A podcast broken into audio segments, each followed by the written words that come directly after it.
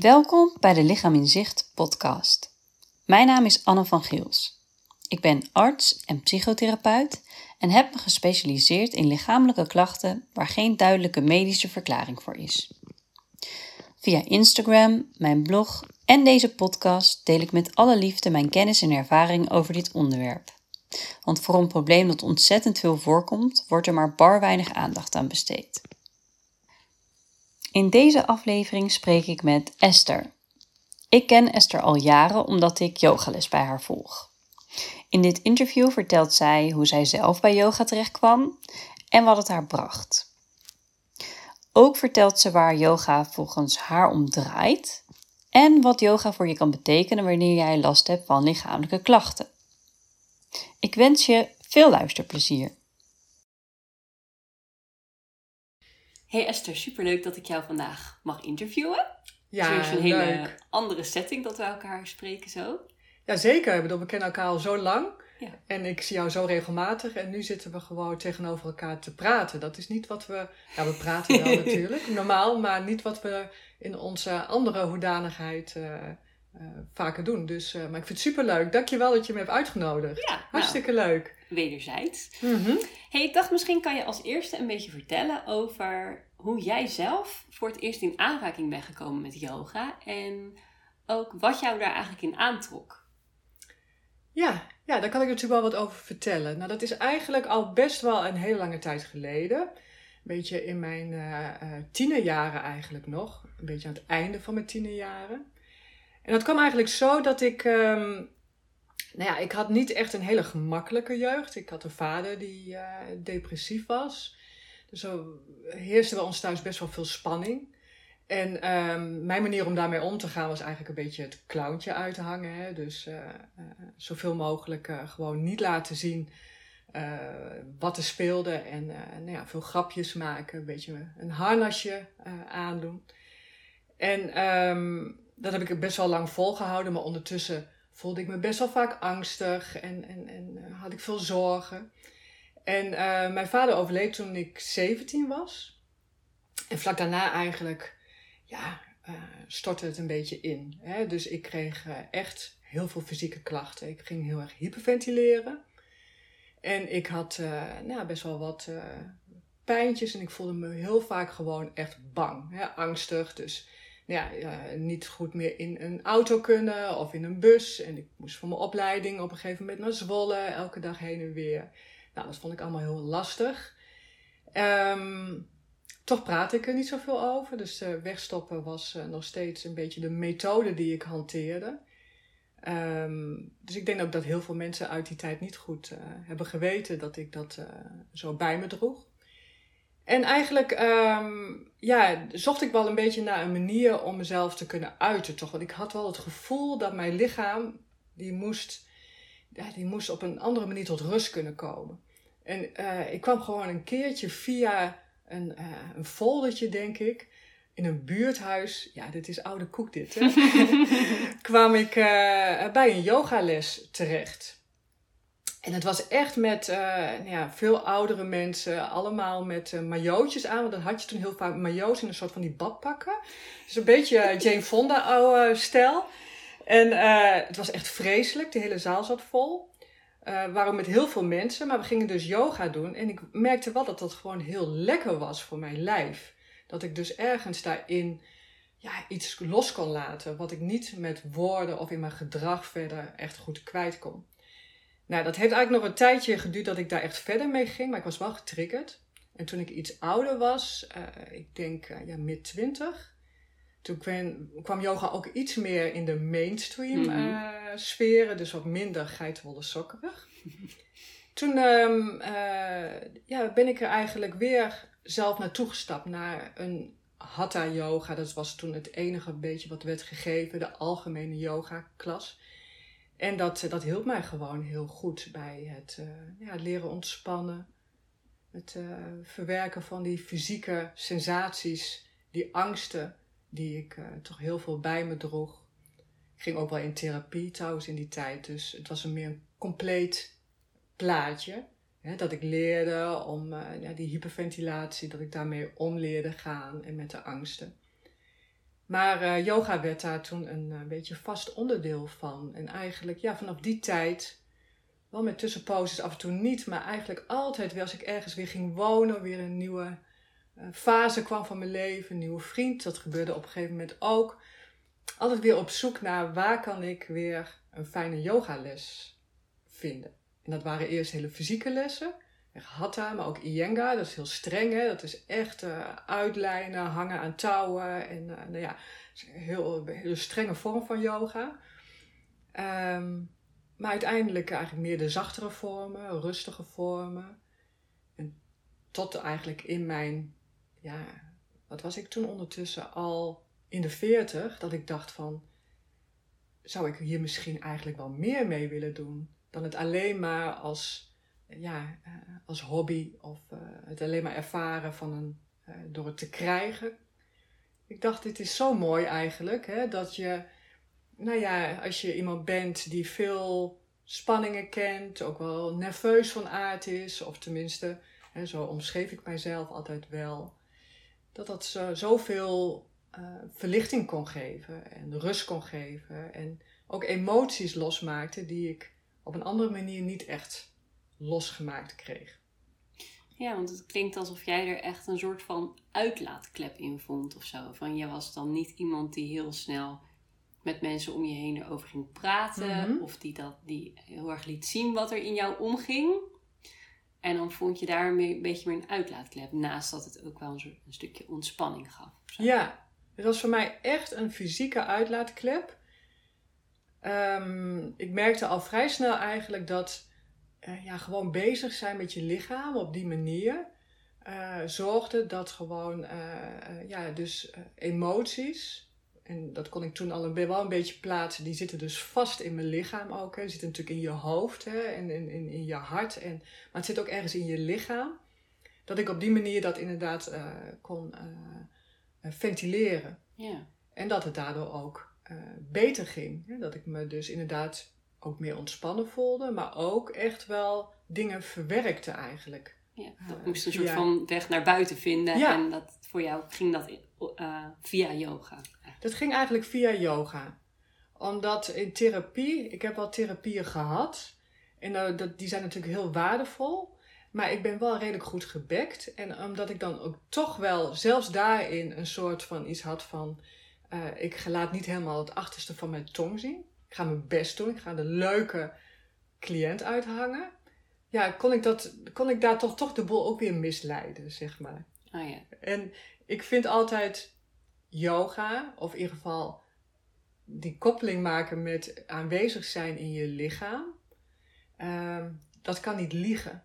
Um, dat, dat, daar gebeuren dingen dat kun je niet uh, verbloemen met, uh, met woorden. Uh, dat, dat gaat op een gegeven moment stromen en dan gebeurt er iets. En ik dacht van, hé, hey, dit is een manier voor mij om nou, ook, ook in mijn eigen tijd, in mijn eigen omgeving, als ik me veilig voel, om daar dan toch een uitweg in te vinden. En dan hoef ik dat niet zozeer met nou ja, diepgravende therapieën of weer helemaal terug naar mijn jeugd wat ik wel met regelmaat heb gedaan hoor, maar en ook wel heeft bijgedragen. Maar dit, ja, hier kon ik veel meer mee. Mooi.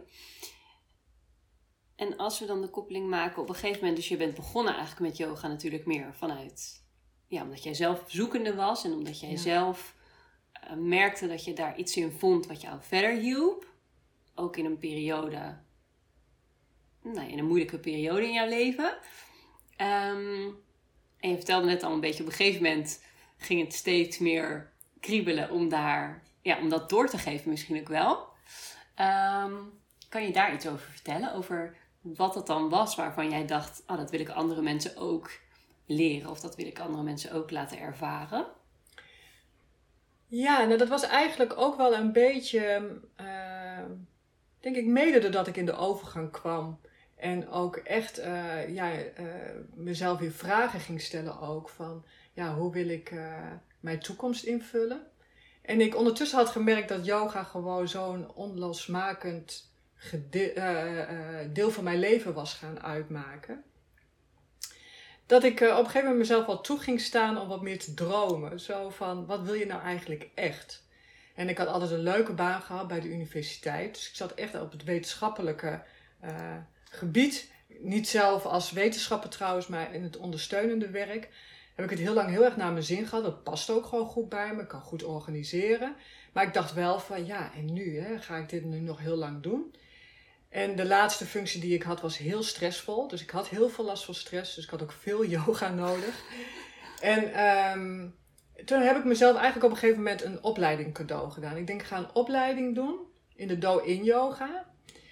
Uh, wat eigenlijk, misschien is het wel leuk om te vertellen dat het, het klinkt alsof ik dat allemaal heel erg heb bedacht. Maar het was ook wel vrij intuïtief, zeg maar, hoe dit, uh, hoe dit op mijn pad kwam. Um, ik was al wel begonnen met mijzelf af en toe een weekendje uh, cadeau te geven, lekker weg. Weet je wel? Dat je gewoon even op jezelf helemaal alleen ergens naartoe gaat.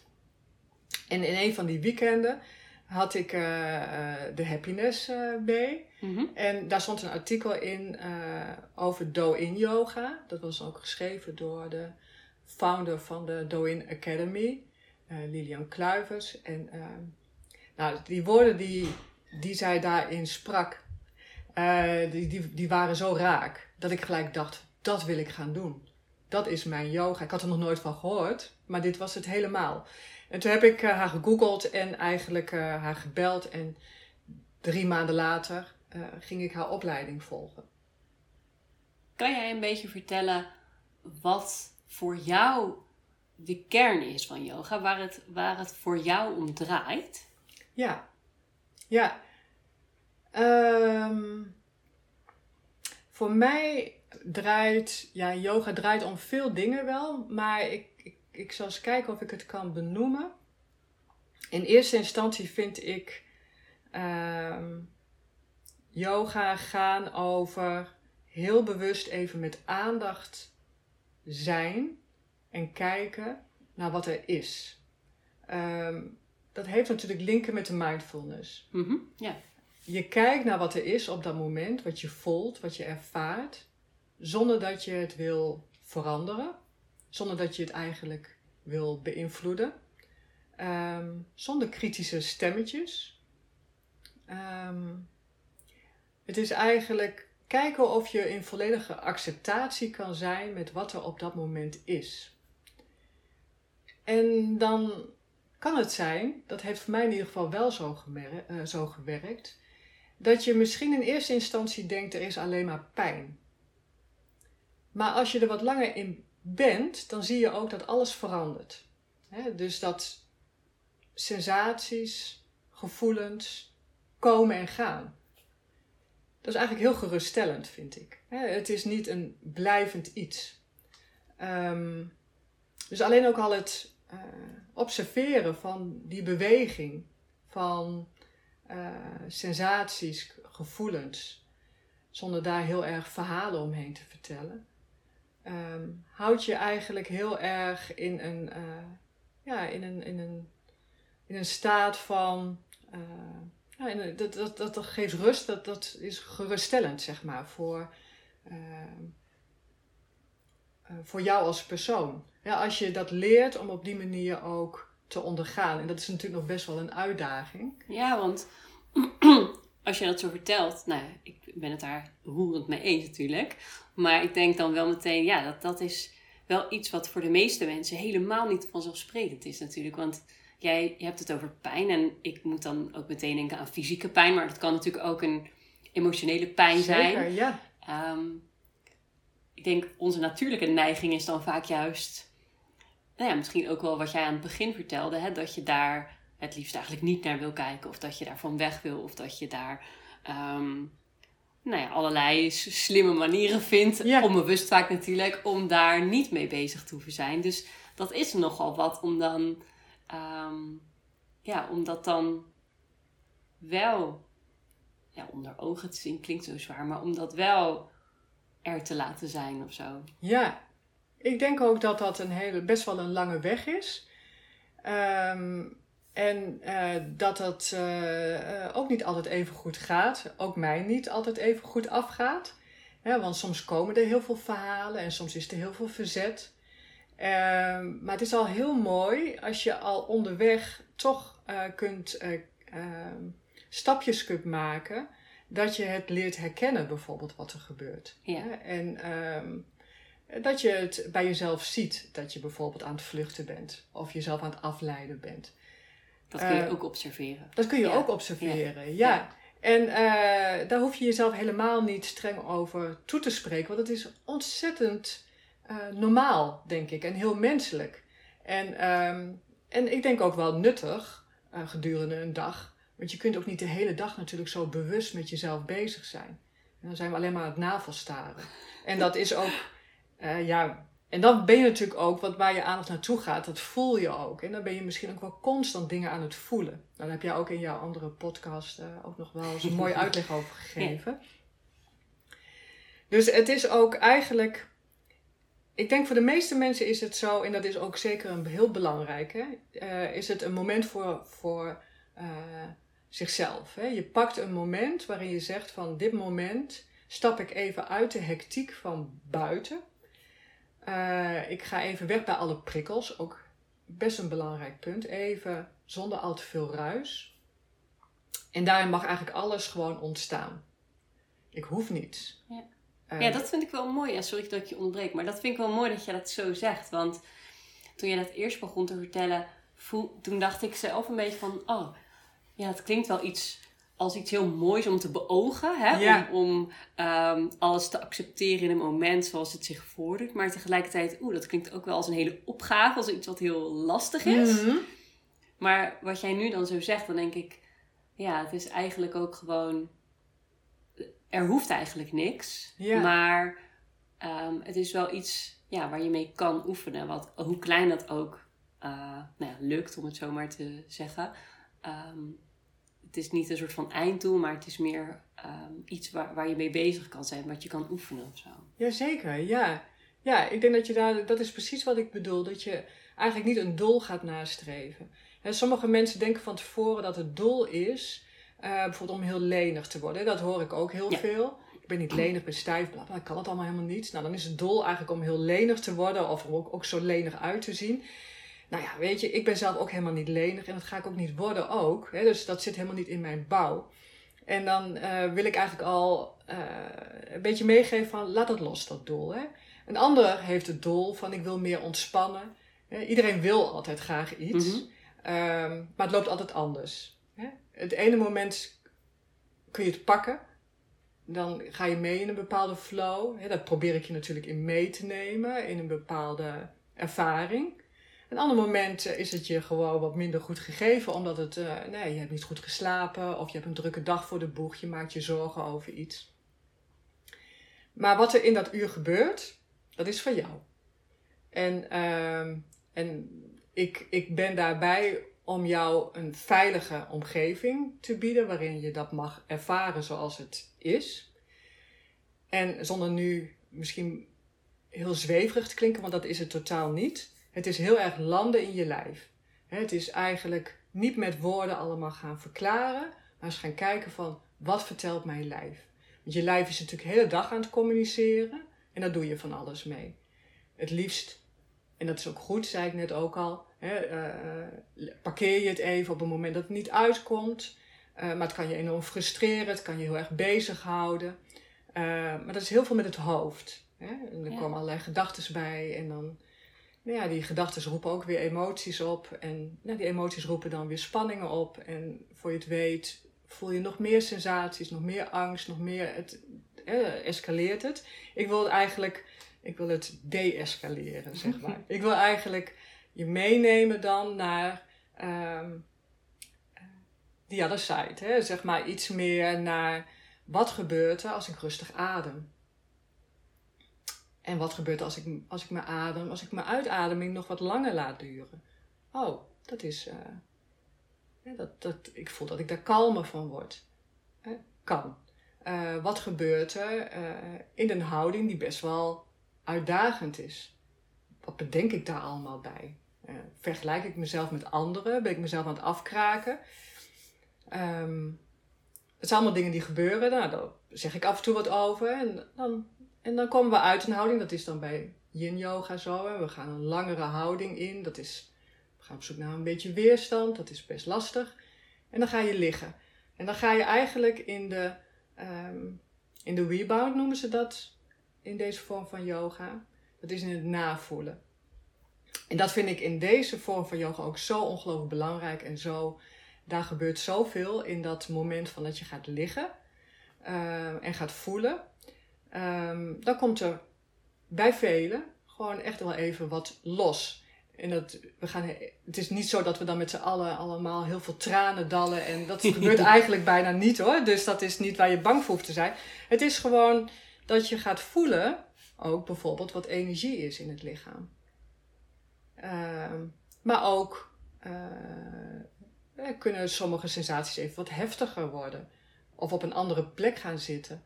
Uh, maar het kan ook voelen dat je daarna denkt: hé, hey, het is weg. Het is even helemaal weg. Hè? Het kan even rust geven. Het kan even een moment van verstilling geven. Maar nogmaals, het kan heel veel kanten op. Hè? En uh, het is mooi als je, als het je past. Hè? Je kunt het gewoon uitproberen. Het is ook, hè, misschien vind je het op een gegeven moment helemaal niet lekker of helemaal niet fijn. Maar als het je past, kan het je gewoon heel veel meer bewustzijn van je lichaam geven. En door daar ook misschien even dat ene uurtje in de week, of misschien wat vaker, wat aandacht aan te geven, dan denk ik dat het lichaam op den duur misschien weet dat het niet zo hard hoeft te schreeuwen om aandacht te krijgen. En dat er misschien dus ook uiteindelijk iets kan veranderen in die uh, gewaarwording van sensaties in het lichaam.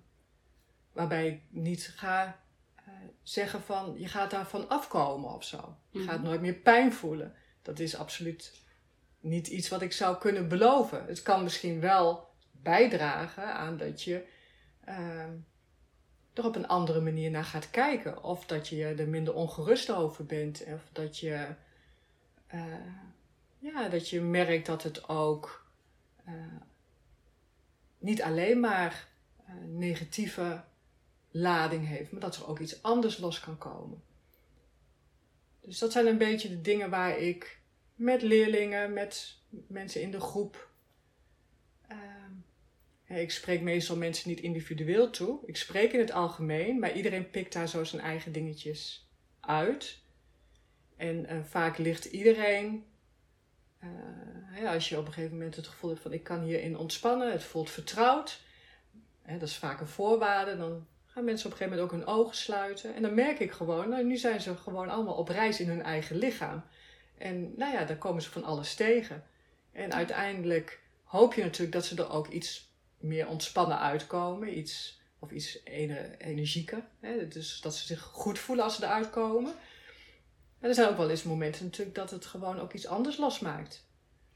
Ja, en wat ik ook wel mooi vind, wat ik er een beetje in hoor, is alsof je door dat zo te beoefenen, want zo zie ik heel graag keer, en je beoefent dat, mm-hmm. dat je ook steeds meer de nuances um, leert kennen van nou ja, wat je voelt. Of dat nou emoties zijn of fysieke sensaties. Maar um, doordat je juist met je aandacht naartoe gaat, dat je ook, ja, dat je je, ja, je lichaam of wat je voelt in je lichaam, dat je dat ook steeds wat beter leert kennen of zo. Ja, dat denk ik wel dat dat zo is.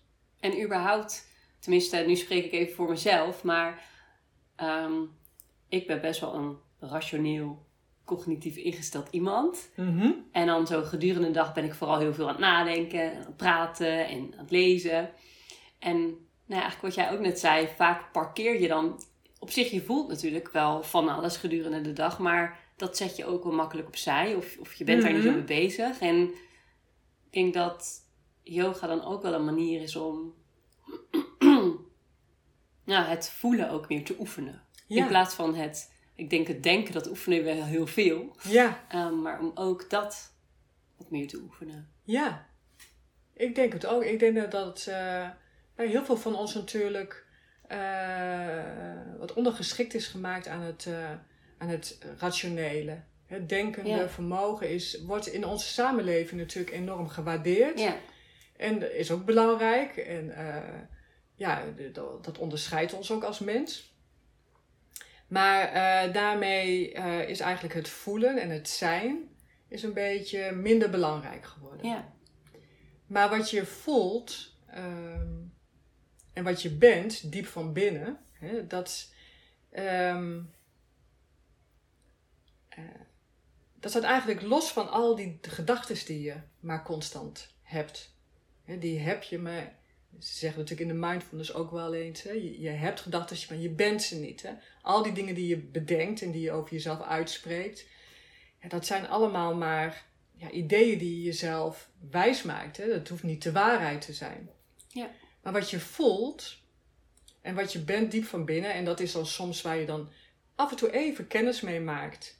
Als je in een soort van stilte komt, hè, in een soort van ervaring komt uh, waarin het uh, even alles een beetje om je heen wegvalt. Hè? En dat kan dus door die fysieke oefeningen te doen en dan weer te gaan navoelen. Kom je soms in iets waarin je echt gaat voelen. En echt even, nou ja, dat er eigenlijk even geen woorden of geen gedachten zijn die zich heel erg opdringen. Het zijn maar korte momentjes vaak, maar die hmm. kun je dan, dan echt wel waarnemen. En die zeggen eigenlijk meer over jou als mens. Als wie je echt bent. Ehm, en dus eigenlijk kom je ook wat meer in contact met je echte kern. Dus wie ben jij buiten al die gedachten en al die dingen die je doet en al die uh, je gedrag, je, al, dat, al die kaders. Hè? Wie ben je nou diep van binnen daarin? Hè? Uh, echt als mens. En daar kom je dan ook achter. Niet gelijk misschien. En ook niet in elk moment. dus dat, dat, hè, dat zijn natuurlijk, ik bedoel, ik vraag me nog steeds ook heel veel dingen af. En eh, ik ben er absoluut nog niet uit. Valt altijd ook heel veel te leren, maar dan ga je ook vaak weer in het hoofd zitten.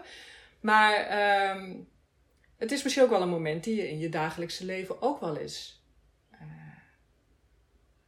uh, ervaart. En misschien ga je dat ook meer ervaren als je er wat vaker ook op de mat kennis mee hebt gemaakt. Een dagelijks moment bedoel ik eigenlijk een moment waarop alles even oké is. Waarin eigenlijk er even niks hoeft. En het, hoeft, het is vaak zijn het hele eenvoudige momentjes. Het is niet dat je nou gelijk een nieuwe auto hebt of zo. Of iets waar je echt van denkt, dat geeft natuurlijk een enorme kick, weet je wel. Maar het gaat meer over zo'n enorm gevoel van tevredenheid. Of van, nou, dat het gewoon oké is zoals het is. Dat je soms zo kan voelen van, oh, ja, eigenlijk misschien ook wel een gevoel van dankbaarheid hebt. Van, hier, hier ben ik. Uh, ik heb mensen om me heen die van me houden. Ik, ik, uh, ik ben gezond. Ik ben eigenlijk gelukkig. Ik ben een gelukkig mens. En dat kun je soms hebben, bijvoorbeeld als je met een kop koffie, je zit eventjes, het is stil. En, uh, of, of misschien heeft je kind iets heel liefs tegen je gezegd. Dan kan dat zo indalen. Nou, die, die zeldzame, maar unieke momentjes, die kun je soms wat meer ook net even pakken. Doordat je er eigenlijk ook wat dat betreft wat mee geoefend hebt op, je, op de mat. In zo'n yogales waar het veilig is, waar je niet wordt veroordeeld. Waar je even dingetjes herkent, waar je dat even vast kan pakken. Dat vind ik soms wel mooi aan het, aan het doen van yoga. Maar eigenlijk ook alles wat daar een beetje omheen is. Hè? mindfulness, wandelen, natuur, stilte. Um, dan kom je misschien vaker even in die kleine sparkle momentjes. Ja, en tenminste hoe ik dat dan zie, heeft dat ook wel veel te maken met bewustzijn. Je mm bewustzijn van wat er is. In plaats van, nou ja, een staat waarin we denk ik een groot deel van de tijd wel verkeren. Meer dat je op een soort van automatische piloot ja. uh, je dingen doet en... Uh, ja, ja. Het is echt even stilstaan. Ja. En ja, precies. Niet doorhollen. Het is vertragen ook. Het is even de tijd ook pakken. Uit het gejakker stappen. Ja, het, dat lijkt, ik denk dat iedereen dat wel denkt van, oh ja, is best lekker. Ik denk dat we soms niet eens zo misschien voor heel veel mensen spreek ik ook wel. Hè? Je hebt natuurlijk een groep die zich daar wel bewust van is, maar ook een hele grote groep is zich er niet van bewust hoe snel ons leven gaat. Hmm. En hoeveel prikkels we krijgen op een dag. Is het heel gewoon en kunnen daar ook heel lang misschien ook heel goed in functioneren. Dat dat s'morgens als eerste ping, alle, hè, de telefoon aangaat. En dat die gelijk uit bed, hup, de eerste gedachten, de eerste appjes, de alles, dat, dat, dat dat allemaal gewoon zo persoonlijk. Maar ik zit dan ook een beetje in de hoek van het uh, hoogsensitieve. Hè? Dus ik ben in ieder geval wel heel gevoelig. Ook daarin, ik weet niet of ik het echt ben, maar ik ben wel gevoelig, heel erg gevoelig voor prikkels. Mhm. Voor mij werkt dat enorm uh, onrustig. Hè? Ik word daar heel onrustig van als het al de hele dag door geluidjes uh, beschikbaar zijn. al die nou, social media, alle mailtjes, gesprekken, sociale contacten. Hoe leuk ik ze ook vind. Hè? Maar het is ook gewoon voor mij heel uitputtend. En um, ik denk dat dat voor veel mensen ook zo geldt. En, dan is yoga ook een beetje een, een soort van een manier of een reminder um, om daar weer wel meer afstand van te nemen. Ja. Even naar een stille plek. Tegen, tegenwicht. Tegen een tegenwicht. Want ik denk, uh, als je het dan weer hebt over hoe ga je dat dan bijvoorbeeld ook echt uh, verklaren wat uh, al die prikkels doen. Kijk, die prikkels, dan zit ik meer in jouw leak, weet je wel, waar jij natuurlijk als wetenschapper gewoon veel meer van weet. Maar um, die, die, die, al die prikkels, hè, die werken in op je zenuwstelsel. Je zenuwstelsel, hè, de, de, de sympathische kant daarvan, hè, dus de aanknop, hè, die wordt constant ook piep, piep, die, die, die piept mee, hè, die is ook steeds alert. En die zal constant ook het gevoel hebben dat er een soort van gevaar is of zo.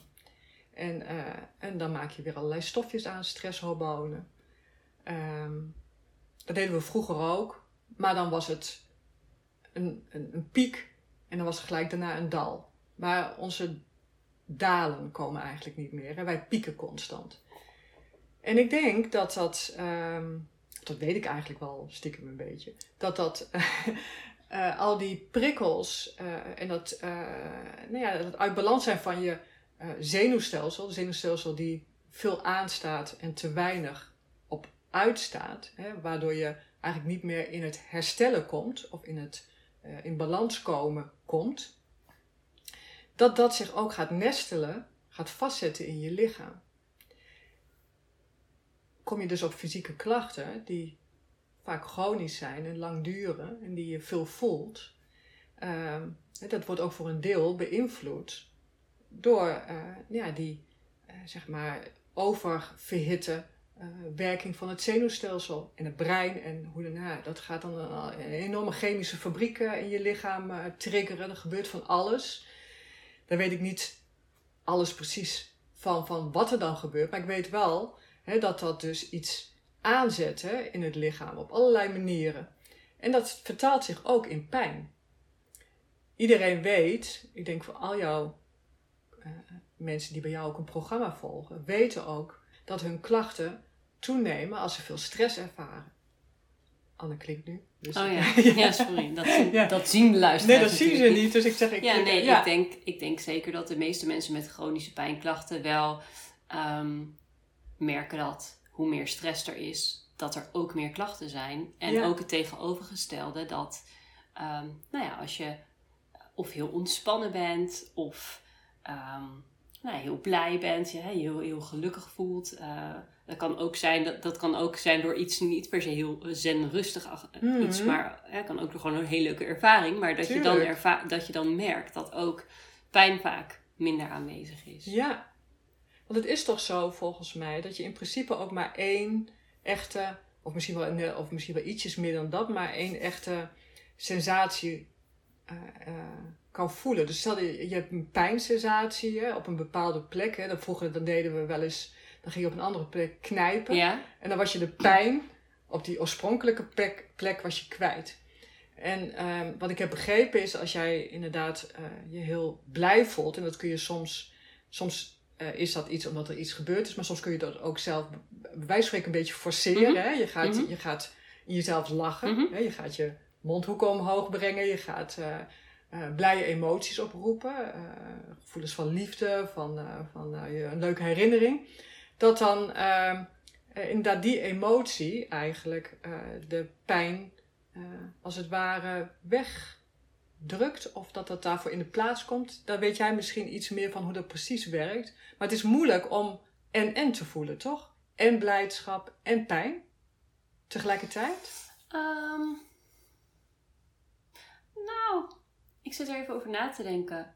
Kijk, ik denk op zich, het zal vast wel mogelijk zijn om allebei tegelijk te ervaren. En ik denk ook niet dat het voor iedereen zo is dat de, procent, dat de pijn 100% weg is op het moment dat je je blij voelt. Maar ik denk wel dat, een beetje gezien vanuit de theorie, dat bij pijn een soort van overgevoeligheid is van het zenuwstelsel. Mhm. Dat wanneer je een bepaalde positieve emotie voelt, dat, dat heeft natuurlijk ook, dat, dat zet ook een soort van fysiologische reactie in gang in je lichaam, in je zenuwstelsel. Wat, ehm, ja, ik vergelijk het wel eens met een soort van eh, volumeknop, hè, zoals je een Mhm. volumeknop hebt op radio.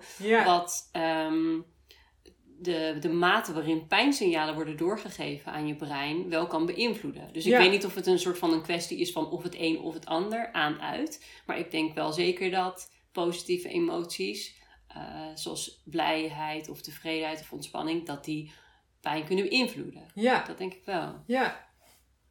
Ja, ik denk ook dat het dan eh, misschien inderdaad op die manier gaat. Hè? Dat het meer een soort van, dat de mix zeg maar tussen warm en koud met die, met die kranen. Hè? Dat dat eh, gewoon een andere mix wordt. Hè? Dus dat dat eh, ja, in ieder geval van invloed is van hoe je op dat moment ook dingen ervaart. Ik, ja, ik denk dat je, iedereen heeft voorbeelden, denk ik, dat hij ja, misschien wel hoofdpijn heeft, maar dan op een keer er gebeurt er iets heel leuks. Mhm. En dan ben je acuut op een keer even die pijn kwijt Mhm. of zo. Mhm. dat, dat, alsof je dat gewoon vergeten bent. Het komt later vaak wel weer terug. Het is ook niet helemaal weg, maar het, eh, nou ja, het, het, is, het is eventjes eh, overgenomen door iets anders, iets prettigers of zo. Ja. Nou is het niet zo dat ik er voorstander van ben om de hele dag alleen maar leuke dingen te bedenken of zo. Omdat, dat, omdat ik ook denk dat pijn ook een signaal is van iets. En er zit ook een verhaaltje achter.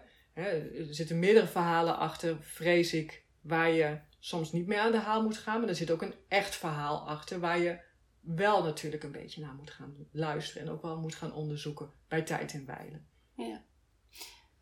hey, dan zijn we, we zijn eigenlijk al een beetje automatisch gekomen van ehm, hoe jij bij de, van de, bij de yoga bent aanbeland. Hoe Ja. jij yoga ehm, nou ja, doorgeeft aan de mensen die les bij jou volgen. En hoe jij over yoga denkt naar ook ehm, yoga en lichamelijke klachten. Mhm. Dus daar hebben we het al een beetje over gehad. Eh, maar kan je misschien in aanvulling op wat je net zei nog iets vertellen over ehm, wat jij denkt dat yoga kan brengen als je last hebt van lichamelijke klachten? Eh, ja, dat, dat natuurlijk. Ehm, ik denk dat het heel fijn is om gewoon heel simpel om meer te leren ontspannen. Ja, dus het geeft ontspanning en Ja. je leert ook het verschil tussen spanning en ontspanning beter herkennen. Dus eh, dat zijn gewoon spierspanningen ook, maar Ja. ook, ehm, dat doe je met oefeningen, maar ook andere spanning kun je leren kennen. En dan kun je ook leren weer dat wat meer los te laten. Daar ben ik zeker ook in de les altijd actief mee bezig. Hè? Dus Ja. dat, dat, daar, daar praat ik veel over om mensen daar ook aan te herinneren. Dat je vaak namelijk veel dingen, eh, veel spanning vasthoudt terwijl het niet nodig is. Ja. Terwijl het lichaam het niet nodig heeft. Hè? Dus, dus die ontspanning. Ehm, nou, een stukje herkenning dus van eh, sensaties en eh, accepteren dat ze er zijn. En er misschien ook gewoon liefdevoller naar leren kijken. Als, nou ja, dit is nu wie ik, dit is onderdeel van mij. Dit is niet wie ik ben. Ik wou Mhm. bijna iets verkeerd zeggen, want dat bedoel ik namelijk niet. Het is niet wie ik ben. Het is een deel van mij Mhm. nu. Mhm. Dit is er nu. En dat is, dat is eh, prima. Hè? Het, is, eh, het mag er gewoon zijn.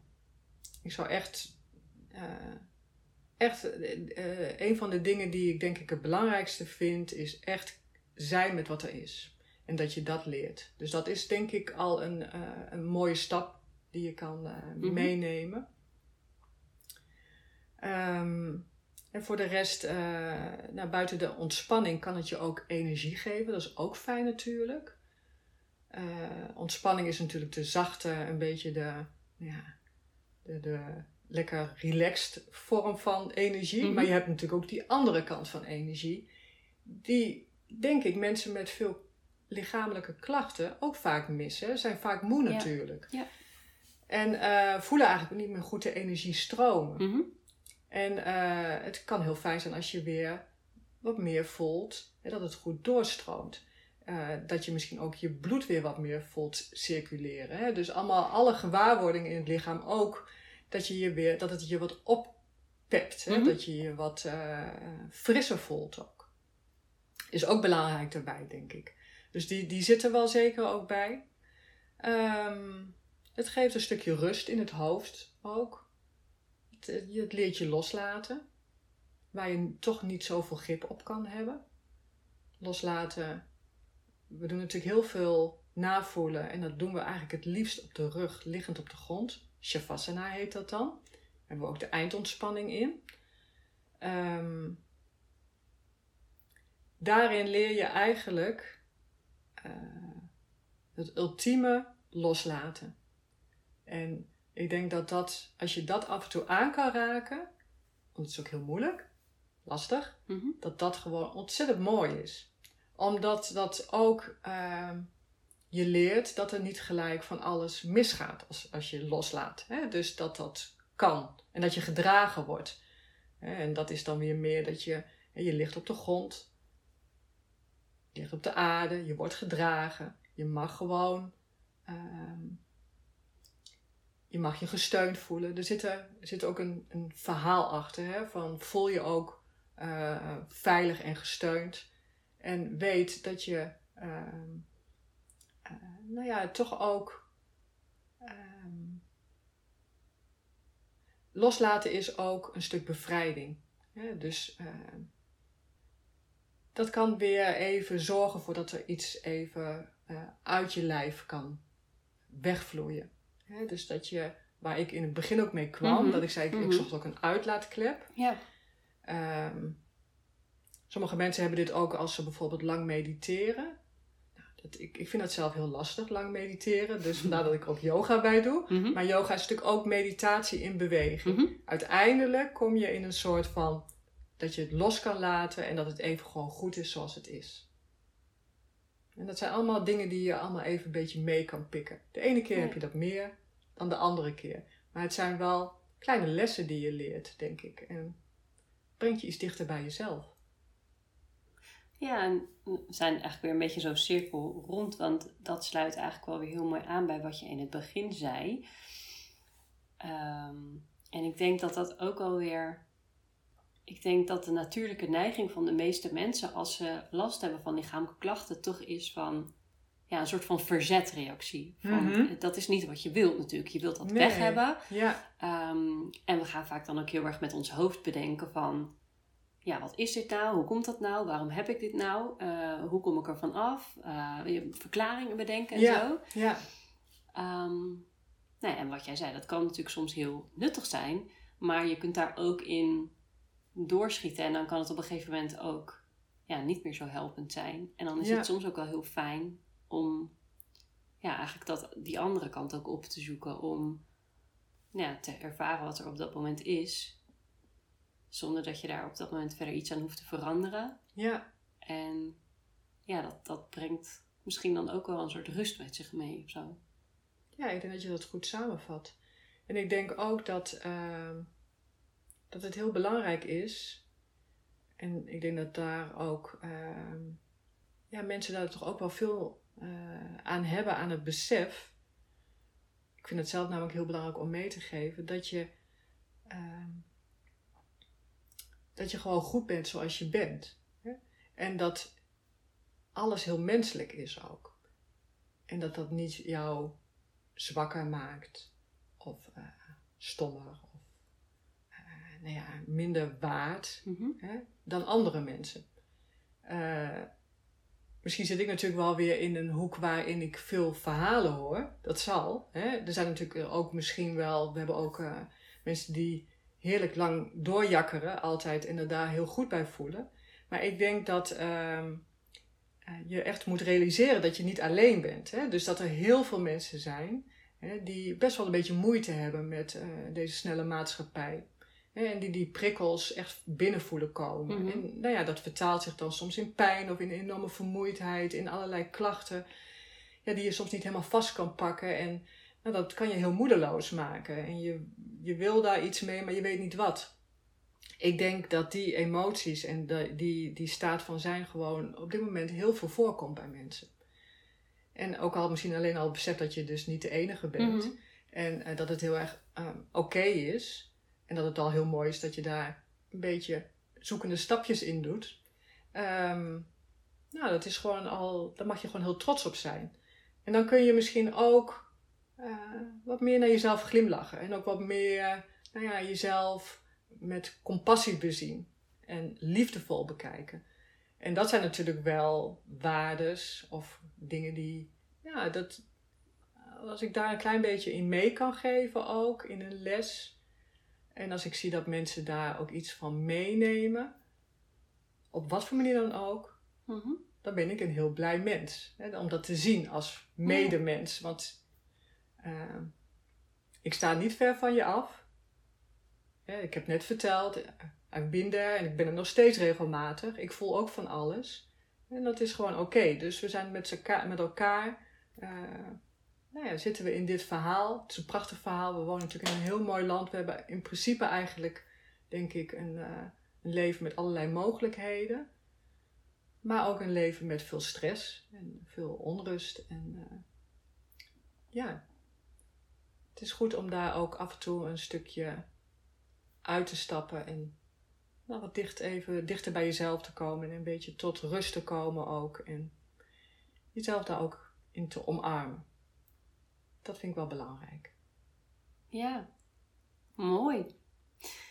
hey, ehm, ja, ik, eh, ik zou bijna gewoon willen afsluiten met deze mooie boodschap. Maar, Mhm. ehm, maar ik wil jij nog wel even de gelegenheid geven om, nou, als er nog andere dingen zijn waarvan jij denkt, oeh, maar hier hebben we het toch niet over gehad. En dit vind ik ook nog heel belangrijk om te zeggen, ehm, om dat nog te kunnen doen. Nou, weet ik eigenlijk niet. Ik denk.